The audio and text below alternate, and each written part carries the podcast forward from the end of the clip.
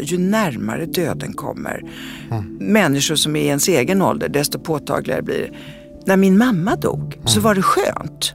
Min mm. älskade mamma, hon levde lite på övertid och hon var väldigt så här, Amelia jag ville dö, varför kommer inte stå Jesu Kristo och mm. hämtar mig? Mm. Och jag kunde säga till henne, mamma jag kan inte ta kudden och kväva dig, du, du får vänta. Mm.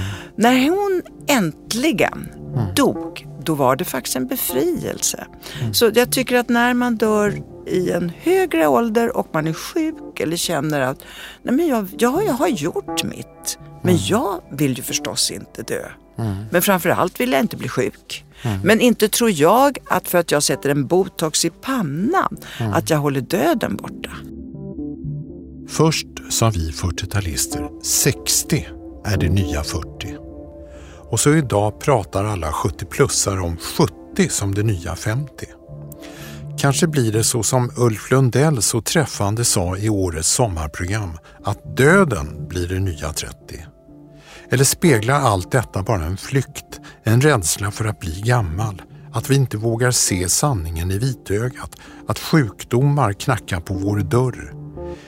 Eller ska vi i rock'n'roll-generationen göra vårt sista ryck och göra åldrandet till the place to be? Eller vad säger trenddrottningen Amelia Adamo? Jag heter Henrik Fränkel och jag fick påsken 2019 diagnosen lindrig minnesstörning. Och jag vill med den här poddserien göra en upptäcktsfärd in i vår tids kanske mest ökända och stigmatiserade sjukdom. Jag ska träffa människor som kan hjälpa mig att förstå den sjukdom som drabbar 20 000 svenskar varje år. Som har funnits i över 100 år och som ingen överlever.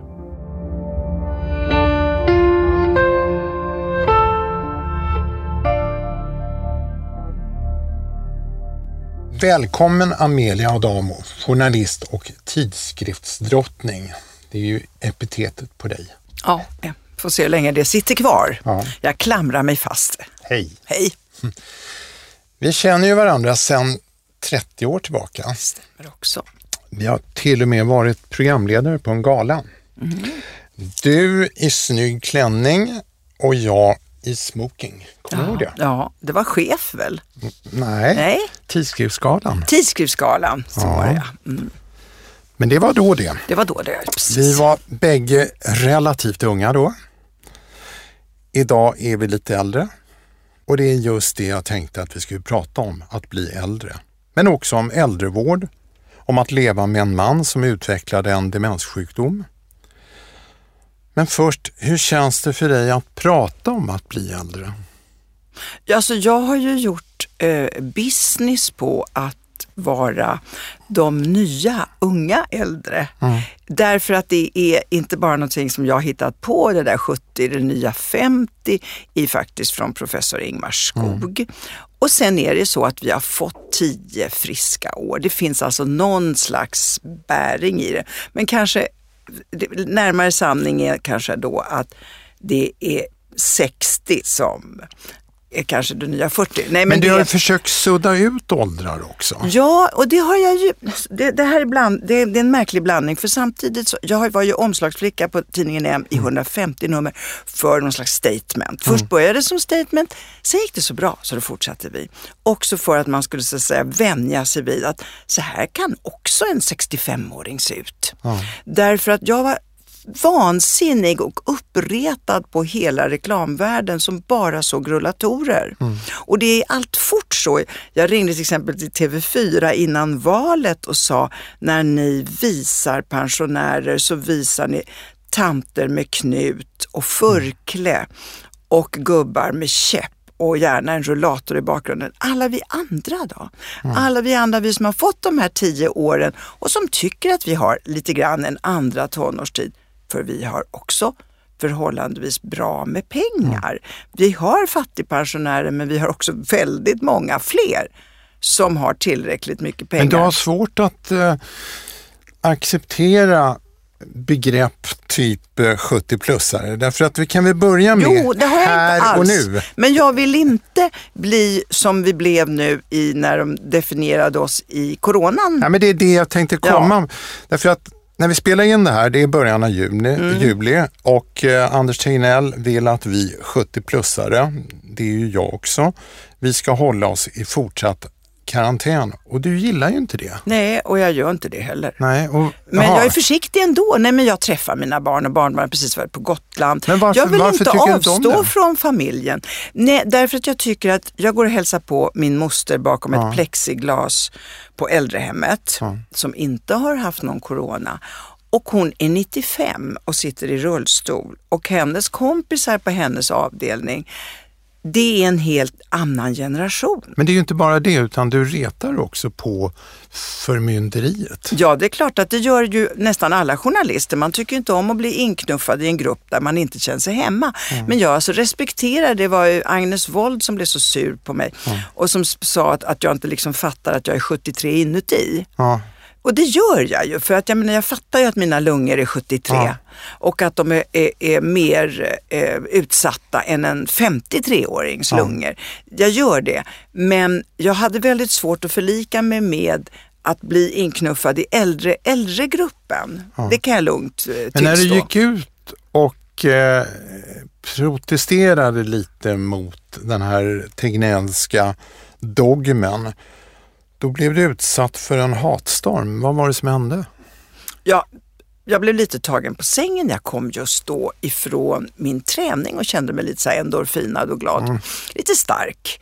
Och eh, så blev jag uppringd av, jag tror det var Expressen, eh, som säger, eh, berättade här då att 70 ska in i karantän. Mm. Och jag var, va? 70 till Dagny Carlsson 106, det är alltså 46 mm. år, det är ganska mycket. Mm. Eller 36, jag kan inte räkna. Eller. Eh, så, så då sa jag lite skämtsamt, nej men jag är ju faktiskt 53 mm. och inte 73 så mm. 73. Eh, och så jag vet inte om jag tänker hålla mig till det. Så jag, och då fick jag förstås, folk blev väldigt arga och arga på en nivå som jag var väldigt ovan vid. Mm. Som tyckte att jag var praktiskt taget barnamördare och jag var ingen riktig svensk för jag kunde inte hålla mig till regler och att jag var osolidarisk. Så jag eh, backade, pudlade in i karantänen mm. och kände att okej, okay, så här får man inte riktigt vara. Och där sitter du idag? Ja, men jag sitter ju inte där på det viset att jag inte går och handlar. Mm. Jag har precis varit på Gotland, det var ju mm. inte så trevligt. Man kände hur folk tittade på en och visste att man var 70 plus. Mm. Ja, jag tyckte det, men mm. det kan ju vara en inbildning. Mm. De har ju haft den starkaste Facebookgruppen ja. mot 08 Man ska ju inte komma dit överhuvudtaget. Nej, de vill ha bort den och den där stackars näringslivet står och, och turistnäringen där och ropar på en. Men du, när jag fyllde 60 år så försökte du trösta min åldersångest med att eh, säga att 60 är det nya 40, kommer jag ihåg att du sa ja, till mig. Precis. Idag hör jag dig säga att 70 är det nya 50. Uh, Ulf Lundell förklarade lite sarkastiskt i sitt sommarprogram häromdagen att döden är det nya 30. Är det så att vår generation alltid kommer att se oss som odödliga? Ja, jag tror faktiskt det. Jag brukar säga en generation som har uppfann rock'n'roll ja. och som dessutom har fått på grund av, eller tack vare medicin och ändrad livsstil de här tio friska åren vill inte gå i våra föräldrars spår på det viset. Vi har plogat upp ett nytt spår. Mm.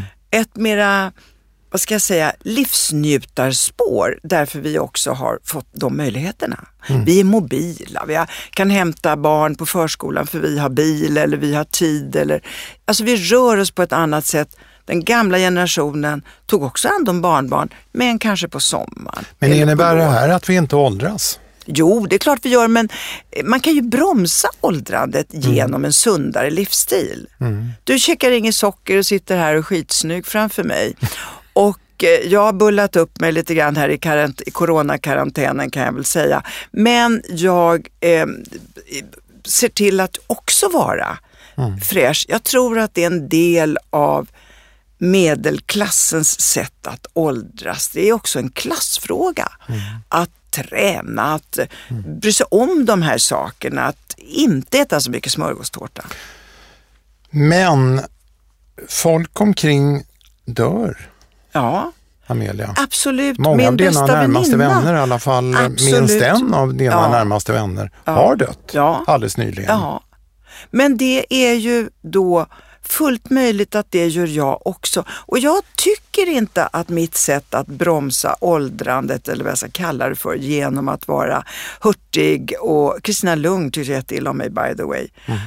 Hon ville aldrig vara med i tidningen än för hon tyckte då att min livsstil var gräslig. Och, eh, så jag har ju mött det, kan man inte få åldras värdigt. Människorna har jag mött. Men jag har kanske valt en annan stil och sett att det är väldigt många som också gör det. Men jag är inte särskilt rädd för döden. Jag kan liksom känna att om jag får en tegelsten i huvudet så har jag haft ett himla bra liv. Men jag är rädd för sjukdom. Det tycker jag är en väldigt stor skillnad. När tänker du på att du inte är odödlig? när någon jag håller av dör. Just nu kan jag säga att det är en granne som eh, kanske inte klarar av det och det, då blir det väldigt, ju närmare döden kommer, människor som är i ens egen ålder, desto påtagligare blir det. När min mamma dog så var det skönt. Min älskade mamma, hon levde lite på övertid och hon var väldigt så här, Amelia, jag ville dö, varför kommer inte stå Jesu Kristo och hämtar mig? Och jag kunde säga till henne, mamma jag kan inte ta kudden och kväva dig, du, du får vänta. När hon äntligen dog, då var det faktiskt en befrielse. Så jag tycker att när man dör i en högre ålder och man är sjuk eller känner att nej men jag, jag, jag har gjort mitt, men jag vill ju förstås inte dö. Men framförallt vill jag inte bli sjuk. Men inte tror jag att för att jag sätter en botox i pannan, att jag håller döden borta. Jag har ju varit som du, eh, men när jag precis hade fyllt 70 så fick jag mig en käftsmäll för ett år sedan. Då fick jag diagnosen trolig Alzheimer och du var en av dem som fick mitt mejl där jag gick ut och berättade om min diagnos. Vad fick du för tankar när du såg det där mejlet? obehag förstås. En bright snubbe som du, yngre än vad jag är också, eh, får den här sjukdomen som du sa just, alla dör av. Frågan är bara när man gör det. Ehm, jag, tyckte, jag, jag tyckte synd om dig, jag tyckte synd om din familj. Ehm, jag hoppades förstås på bromsmediciner och sånt där som man... Eh, och sen så tänkte jag, han kommer säkert att utveckla detta väldigt långsamt om jag känner Henrik rätt. Eh, Och nu har det vänt. Nu har det vänt. Eh, diagnosen har ändrats eh, som jag också har gått ut och berättat om. Jag har kognitiv svikt och den kommer troligen inte att utvecklas till Alzheimer. Och för mig och min familj blev det plötsligen påtagligt ändå att livet är ändligt. Ja. Det har den här käftsmällen lärt mig. Och den där tanken att livet är ändligt, det känns lite snopet för en trotsig 40-talist. Vad tänker du om att livet är ändligt? Är det något du Alltså, kan förlika så, dig med? Ja, ja jag, är så, jag är en väldigt pragmatisk människa, Ja. Henrik. Ehm, men, och sen är jag ganska frisk också. Mm. Eller jag tror att jag är frisk. Och jag glöms, precis som din podd Mm. har talat så mycket om, och när blir glömskan en sjukdom? Mm. Ehm, så att jag tycker att jag befinner, alltså tidningen gjordes ju också, tidningen Em, för att jag kände hur livet blåste mig i nacken. Och jag kände så här, gör jag det jag vill nu? Nu har jag den möjligheten att på något sätt göra upp saker, försonas. Jag tyckte att eh, jag fick väldigt mycket mer tid till just den där sortens reflektion som man inte har när man är mitt uppe i livet. Nu står man ju lite, lite vid sidan om ändå och tittar på livet. Och det, Och vad gör man då, då när man tittar på livet? ja, jag skrev en bok. Ja. Vi kommer in på den. Ja. Eh, det man gör är väl lite grann att man funderar på varför saker och ting blev som det blev ganska mycket. Man odlar sina rosor. Eh, man kanske tar tag i saker som man inte haft tid med. Man har en större förmåga att uppskatta dagen. Jag tycker att det finns en väldig massa bra saker också med att åldras. Du nämnde att uh, du funderar över dåligt minne och det, det gör väl alla och det var ju mm. en fråga jag ofta fick, under, som jag har fått under det här året, om du har Alzheimer då har jag också det. Ja, det. Eh, eftersom alla i vår ålder har ju dåligt minne och eh, glömmer sina nycklar och mobiler och så vidare.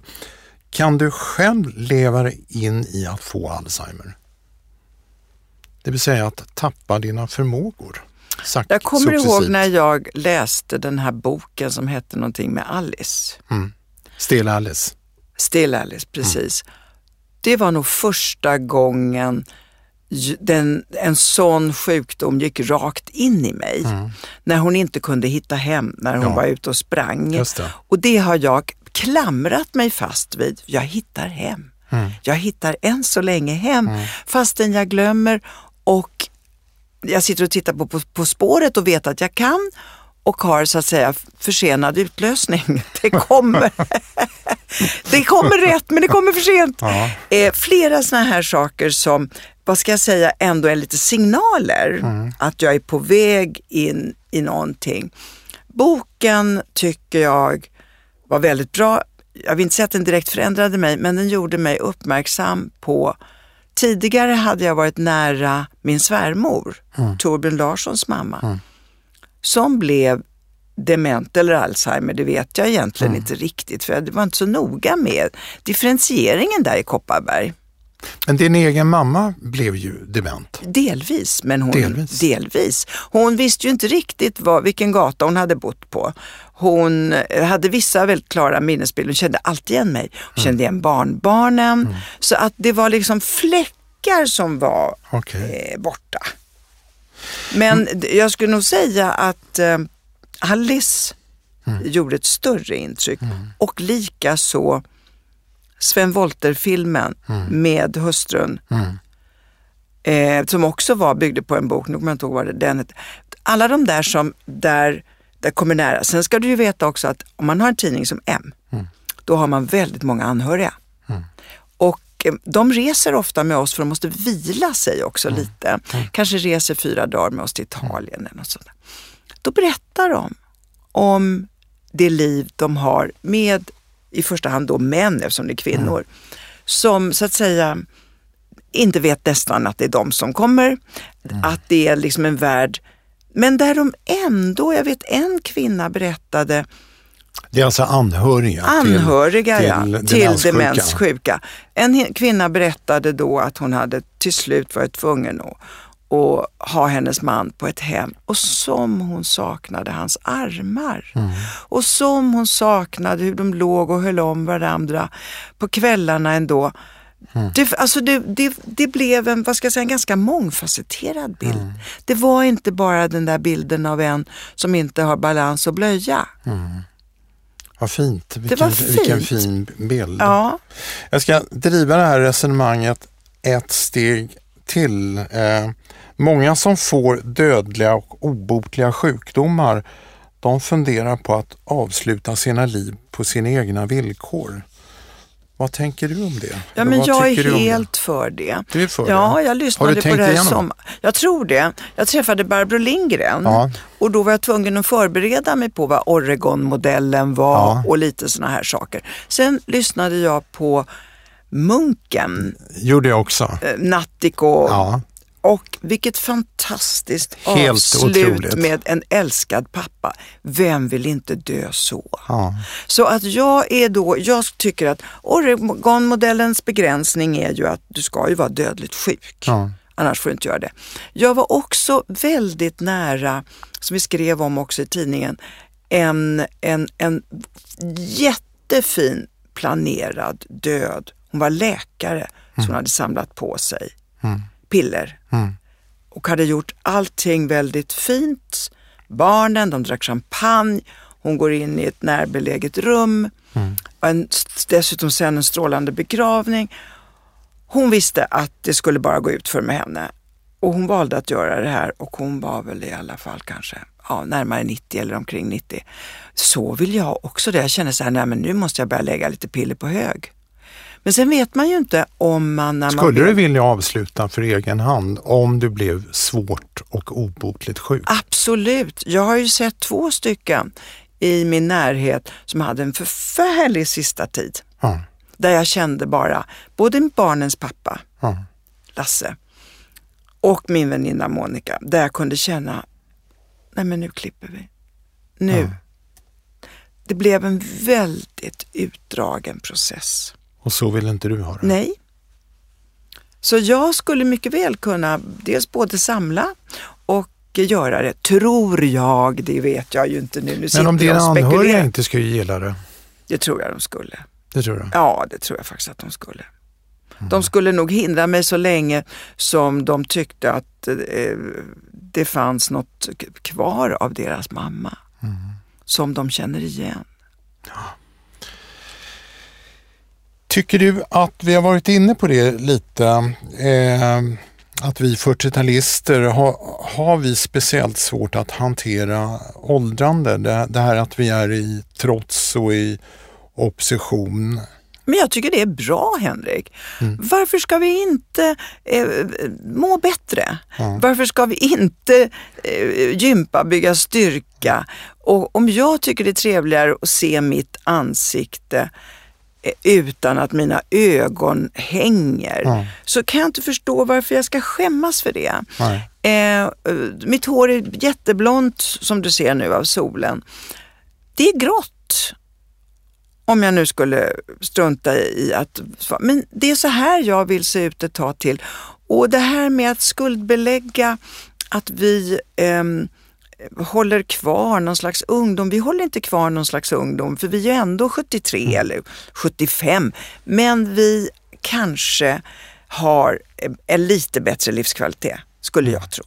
En dag så blir vi ju ändå sjuka och vi kanske hamnar i äldreomsorgen, vi 40-talister. Hur kommer vi bli som kunder? I, Jag tror att bortsett ifrån att vi kommer begära sushi också, ja, så tror jag att vi har sett våra föräldrar. Ja. Vi har sett regioner spara ner till fälgarna, vilket blev äntligen fick prime time nu Mm. under corona. Hur man hanterar, nå, alltså det här måste ju vara samhällets syn på att de ska bort. Mm. Att de ska glömmas i någon hörna, att man bryr sig inte om dem. Och det blev ett sånt enormt naket avslöjande nu. Och jag tror under coronakrisen. coronakrisen. Och jag tror inte att vi skulle vara de här trevliga, tysta, Så då? tillmötesgående. Jag tror att vi skulle bråka mycket mer för vi är vana vid att bråka. Vi har ju bråkat sedan vi stod på barrikaderna 68. Vi har närmare till bråk än den generationen som nu tåligt sitter och väntar på den 17 hemtjänstmänniskan den här veckan. Eh, och vi, men jag tror att ingenting blir gjort om vi inte kan påverka politiker. Och eh, Det finns ju en mycket bättre eh, vård, äldreboende eller liknande för de som har pengar. Så är det ju jämt. Eh, s- där man kan, och då har jag funderat på att om det nu är så att när det är dags för mig att bo på äldreboende så har jag en lägenhet som mina barn kanske ska ärva eller en bostadsrätt värd några miljoner eller kanske till och med mer. Om jag vill ha det lite bättre kan jag inte få betala lite privat. Nu har det ju kommit både Hemfrid och Seniorhjälp med sådana som eh, tar med dig ut på teater eller sådana saker. Det tycker jag att den synen måste man också få in i det här äldreboendet. Kanske ska jag bidra lite själv till att få, jag har ju pengar, ska jag låta de pengarna gå till barnen? De som inte har pengar, det här blir ju ett klassamhälle förstås, det har vi ju redan. Men jag kan faktiskt tänka mig att betala lite för att få det bättre. Det gör man ju jämt. Och eh, då så ska vi då på det här socialdemokratiska, ganska underbara viset vara lika för alla. Men då, då blir det ju alltid neråt. För det är ju de längst ner som bestämmer vad lika är. Vi byter spår lite. Jag tror att svenska folket vet precis allt om dig. Och mycket kommer också fram i din nya bok Kvinnoarvet. Och bara lite kort, vad vill du säga med den boken?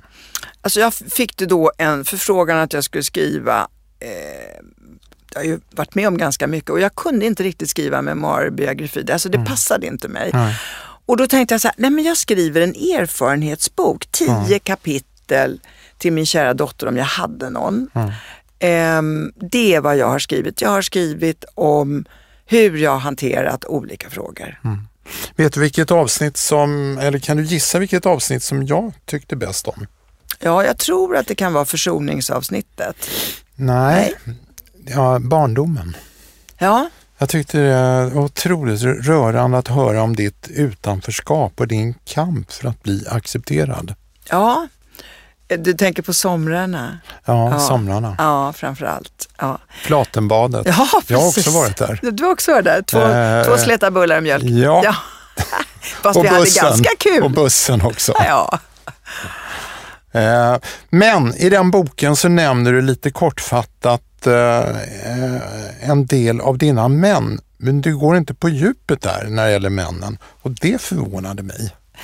Ja, du eh, brukar gå på djupet ja, när det jag, brukar, män. jag talar gärna om män, jag har ju haft några också. Ja.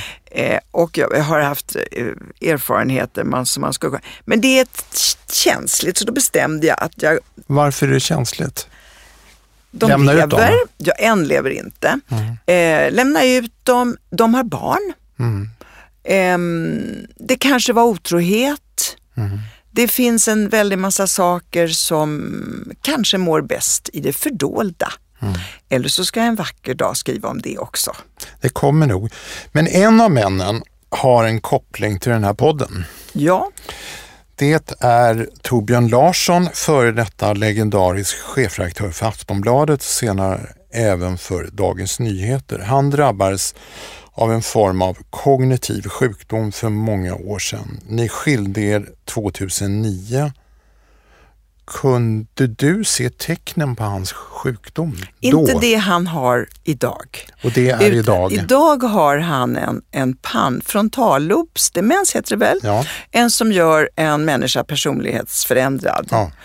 Eh, och då kan jag säga att i Torbjörns fall så kommer han och har faktiskt väldigt lyckliga år. Han är glad. Mm. Han var inte särskilt glad. Han var ganska vred. Hans bensin var ju på något sätt ilska han gick på. Han ville förändra så mycket. Ja. Han, ville, ville, han la ju hela sitt liv i sina tidningsprojekt och ja. drevs av ett raseri, bristande rättvisa, en väldig massa sådana saker. Och nu är han mild. Han är glad. Mm. Han sjunger. Ja. Så att mitt i, vad ska jag säga, eländet, för det är det ju. Han vet inte var han bor och en väldig massa sådana saker. Så är han, jag ska inte säga harmonisk, det tror jag inte han är, men han är glad. Han är glad, han är glad när han ser mig, ja. vilket han Känner inte han var. Dig? Ja. Det gör han. Och ja, så ibland säger han så här, titta där kommer min fru och då säger hans förtjusande fästmö, exfru faktiskt. Vi bor ju väldigt nära varandra på Dalarö. Ja, just det. Ehm, och eh, så för mig kan jag ju säga den här glädjen av ändå att han ser glad ut när jag kommer mm. i och med att jag har sårat honom djupt. Mm. Um, men det jag skulle säga var att Torbjörn var ju en blixtrande intelligent eh, människa. Väldigt passionerad och väldigt ilsken som jag sa. Väldigt märkligt humör som jag inte förstod mig på i början av vårt liv. Mm. Sen hände en sak när jag var bortrest som framkallade en psykos. Mm. Och då eh, fick han en diagnos bipolär. Mm. Och eh, då fick han adekvat medicin som nivellerade honom. Han hamnade kan man säga på en, en jämngrå nivå. Alltså mm. det här fantastiska försvann, men också det svarta, mm. depressionerna. Han blev kan man säga livsduglig men inte glad. Var det under ert äktenskap? Ja, det var senare delen under vårt äktenskap. Mm. Och, Hur gick det då? Ja, eh, det är ju det, det först, de, tidigare åren, med, vi levde i 24 år tillsammans. Mm. De tidiga åren så hade jag ju, förstod mig inte riktigt på, men vad händer nu? Han som var så glad igår. Mm. Vad händer? Mm. Eller glad, men i alla fall uppåt. Mm. Eller normal. Eh, och nu vill han nästan inte gå upp ur sängen. Och sen euforin som gjorde honom magisk när han inte behövde sova. Mm. Det var ganska skönt att få en förklaring till. Men det som också händer när man börjar medicinera bipolaritet mm. är ju att man tar bort de här topparna och dalarna och det blir en annan slags människa. Mm. Men inte alls dement, ingenting sånt, bara lite mer instängd. Mm. Sen skilde vi oss av flera skäl och jag hade, märkte absolut ingenting av demens. Demensen. Utan jag förklarade eller trodde att det som gjorde då att han inte alltid var med, han var ju mest men i alla fall att han blev annorlunda, det hade att göra med medicinen som, som kanske gjorde, gjorde för stort ingrepp i hans briljanta skalle. Och sen gick det ju flera år efter skilsmässan. Han träffade en fantastisk kvinna som mm. fick flera friska år med honom och som är vid hans sida idag. Mm. Att vara anhörig till någon svårt demenssjuk, det är ju prövande, har du också berättat lite om när du träffar dina läsare. Du brukar ha åsikter om det mesta. Eh, har man moraliskt rätt att lämna någon som är mycket svårt sjuk? Det är någonting som vi har talat mycket om i mm. den här anhöriggruppen. Mm. Många lever ju med en partner som inte vet vem det är nästan som kommer in genom dörren. Ja. Och många har valt att ha ett parallellt liv. Mm. På, för, mest för barnens skull. Ja. Men det finns de som jag vet som har samlat sina barn och sagt att jag kommer göra en formell skilsmässa. Mm. Eh, för att jag vill etablera ett nytt förhållande. Det är oerhört känsligt. Jag tycker att det är, det är väldigt svårt att moralisera mm. över hur man ska göra. Mm. Det beror ju på hur den här personen blir lämnad, till vad den blir lämnad, i vilket stadium mm. man befinner sig i. Det var en av mina läsare till bloggen som skrev till mig att eh, när hans fästmö fick Alzheimer-diagnosen, då valde hon att lämna honom. Ja. För hon ville inte utsätta honom Nej. för uh, den resa som hon skulle gå in i. Mm. Kan du förstå det? Ja, det kan jag faktiskt göra. Jag vill också tillägga en sak att några av dem jag känner som faktiskt valde skilsmässa, mm. Som först hade haft parallella liv, de upphörde ju inte att träffa sin exman. Mm. Han visste ju inte vilket stadium, mm. jag menar att det var hans skilda fru som kom. Nej. Så att det betyder ju inte att man tar bort eh, omsorg och sånt och bara sticker. Mm. Eh, men det där du frågade om, ja jag kan faktiskt förstå det. Mm. Eh, även om jag inte är säker på att jag skulle göra det. Nej. Vad tänkte du då? Du var ju faktiskt i den situationen. Att ja. du måste ändå fundera på du hade ett relativt jag hade, nytt förhållande. Jag hade mängder, mängder av funderingar. Men jag flydde in i journalistiken. Så att jag höll det där ifrån mig. Men eh, den eh, relativt nya relation som jag har med Lena sedan fem år tillbaka, den har bara fördjupats mm. av den här diagnosen. Mm. Vi, vi fick vara med om att pröva mm. Eh, vårt förhållande. Mm. Och det stod pall eh, bättre än någonsin. Så det, det, det, har, det, har, varit fantastiskt. Ja. Eh, Gratulerar. Faktiskt. Ibland kan ju, jag har ju, vi har ju tidningen Amelia skrev väldigt mycket om bröstcancer, ja, för det var faktiskt ja, tidningen. Amelia som började med Rosa bandet. Och då så fanns det en eh, läkarpsykolog som sysslade väldigt mycket med eh, anhöriga som inte klarade av partners sjukdom. Nej. Därför att det, det, kan ju liksom både sära ett par och kitta ihop mm. dem. Mm. Mm. I, I mitt fall så blev det ju uh, verkligen ett shit. Det var, det var hon och jag världen, mot mm. världen. Och sen naturligtvis min, min familj också. Mm. Eh, det här är första gången jag hör dig prata om Torbjörn och hans sjukdom. Hur känns det? Ja, eh, det känns sådär kan jag säga. För mm. jag har alltid varit öppen. Mm. Eh, och omgivningen vet nu, man har gått ut med sjukdomen. Men det är ju till exempel barn som inte tycker, och jag är dessutom skild, mm. som inte tycker att jag överhuvudtaget ska nämna hans namn. Mm. Men han är en del av mitt liv. Mm. Och idag träffas vi på Dalarö och han har varit hemma där jag bor i Hornstull, där han själv bodde med mig. Mm. Och kände igen vissa delar, sitt arbetsrum och sådär. Och jag kan känna, jag kan känna en väldigt stor tillfredsställelse över hur eh, vi, att vi ändå på något sätt möts mm. utan agg. Mm. Det är skönt. Ja. Mm. Även din mamma blev då i alla fall partiellt demenssjuk, eh, nämnde du tidigare. Och du har tidigare kritiserat äldreomsorgen. Eh, idag får de äldre stanna hemma så länge de kan med hjälp av hemtjänst. Men det har du sagt att det är inte bra. Varför inte det? Jag tycker de är så ensamma. Mm. Och sen är det så att en, en äldre människa eh, som uppmanas att flytta vill inte flytta. Så det där, det är ju, okay, då ska ja. man köra över den person, ja. brukaren, detta ja. förhatliga ja. ord. Oh, ta bort det. Mm. Eh, då ska man köra över brukarens vilja ja. och det gör man inte och då sitter de där ensamma och väntar kanske på det enda besök de får. Ja. Det är då hemtjänsten. Så jag tycker ju egentligen att man ska försöka förena dem för att de ska få lite mer gemenskap. Ja. Så det är väl kanske det jag, därför jag har tyckt att man ska inte sitta ensam i sin stuga. Mm. Och om man har läst Karin Smirnoffs böcker mm. så är det ju förfärliga interiörer. Ja. Sen är det inte alltid att det är så. Jag träffade nyligen på Gotland en person som jobbar i hemtjänsten och som är väldigt förtjust i sitt jobb. Mm.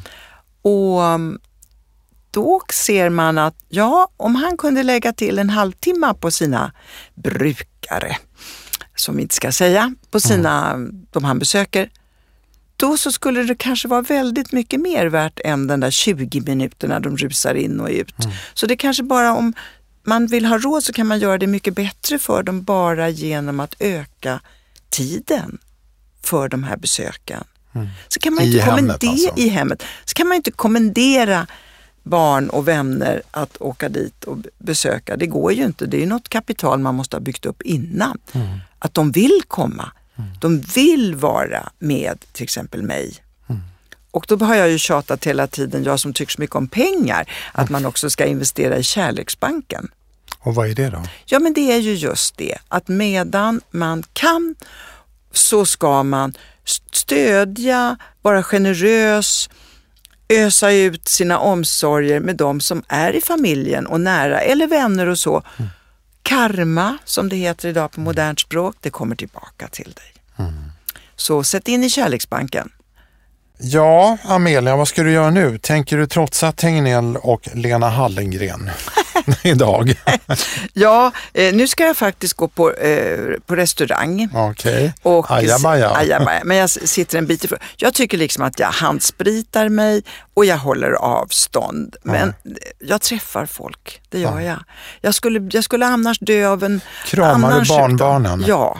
Du gör det? Ja. Framifrån? Ja. Pussar du dem? Mm, på kinden, inte på munnen, inte på dropparna. Nej. Jag undviker dropparna, det ja. blöta. Jag tycker det är så svårt när barnbarnen vill komma fram och hålla handen ja. och kramas. Och så här. Men jag tyckte Giesecke sa, lite eh, kanske slarvigt, men sa i alla fall att det var väl inte så farligt med barnbarn. Ja, men han fick skit för det. Ja, jag vet. Men det får vi ju alla så fort vi säger någonting som är utanför ramen. Ja. Eh, så, men jag gör det för då har jag tänkt så här, det som, som sker är ju att vi inte ska belasta mm. vården. Mm. Och då får jag ju ligga hemma och döda. Mm. Eh, för att jag utsätter mig. Men det är ju som rökare och, Om du och blir överviktiga sjuk, då och kommer andra. det bli löpsedlar. Jag lovar. Om jag blir sjuk? Ja. Ja. Och särskilt om jag säger att... I covid-19. Ja, ja, ja, precis. Och särskilt som jag säger att jag är dessutom, har inte levt enligt reglerna. Ja, Så jag är en sån som de inte ska ta emot. Men samtidigt så ligger det kanske extremt överviktiga människor där inne på, på intensiven som inte har levt som de borde och upptar en plats. Så vi kan ju diskutera det där. ja. Men inte här. Nej, Nej. Amelia, tack för att du ville komma till min podd. Det har varit jättespännande att prata med dig om eh, lite ämnen som vi kanske inte har pratat om dagligdags. Och så ses vi i vimlet.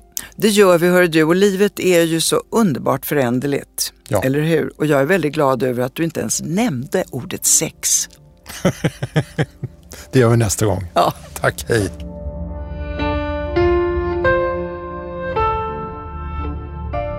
Bloggen och podcasten Hjälp jag har Alzheimer har också en insamling till förmån för forskning kring kognitiva sjukdomar. Ni hittar den på alzheimerfonden.se.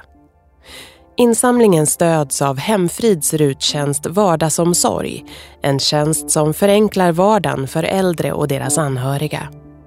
Gå in på hemfrid.se så får du veta mer. Podden Hjälp jag har Alzheimer produceras av Fränkel Media och görs på Beppo. Beppo.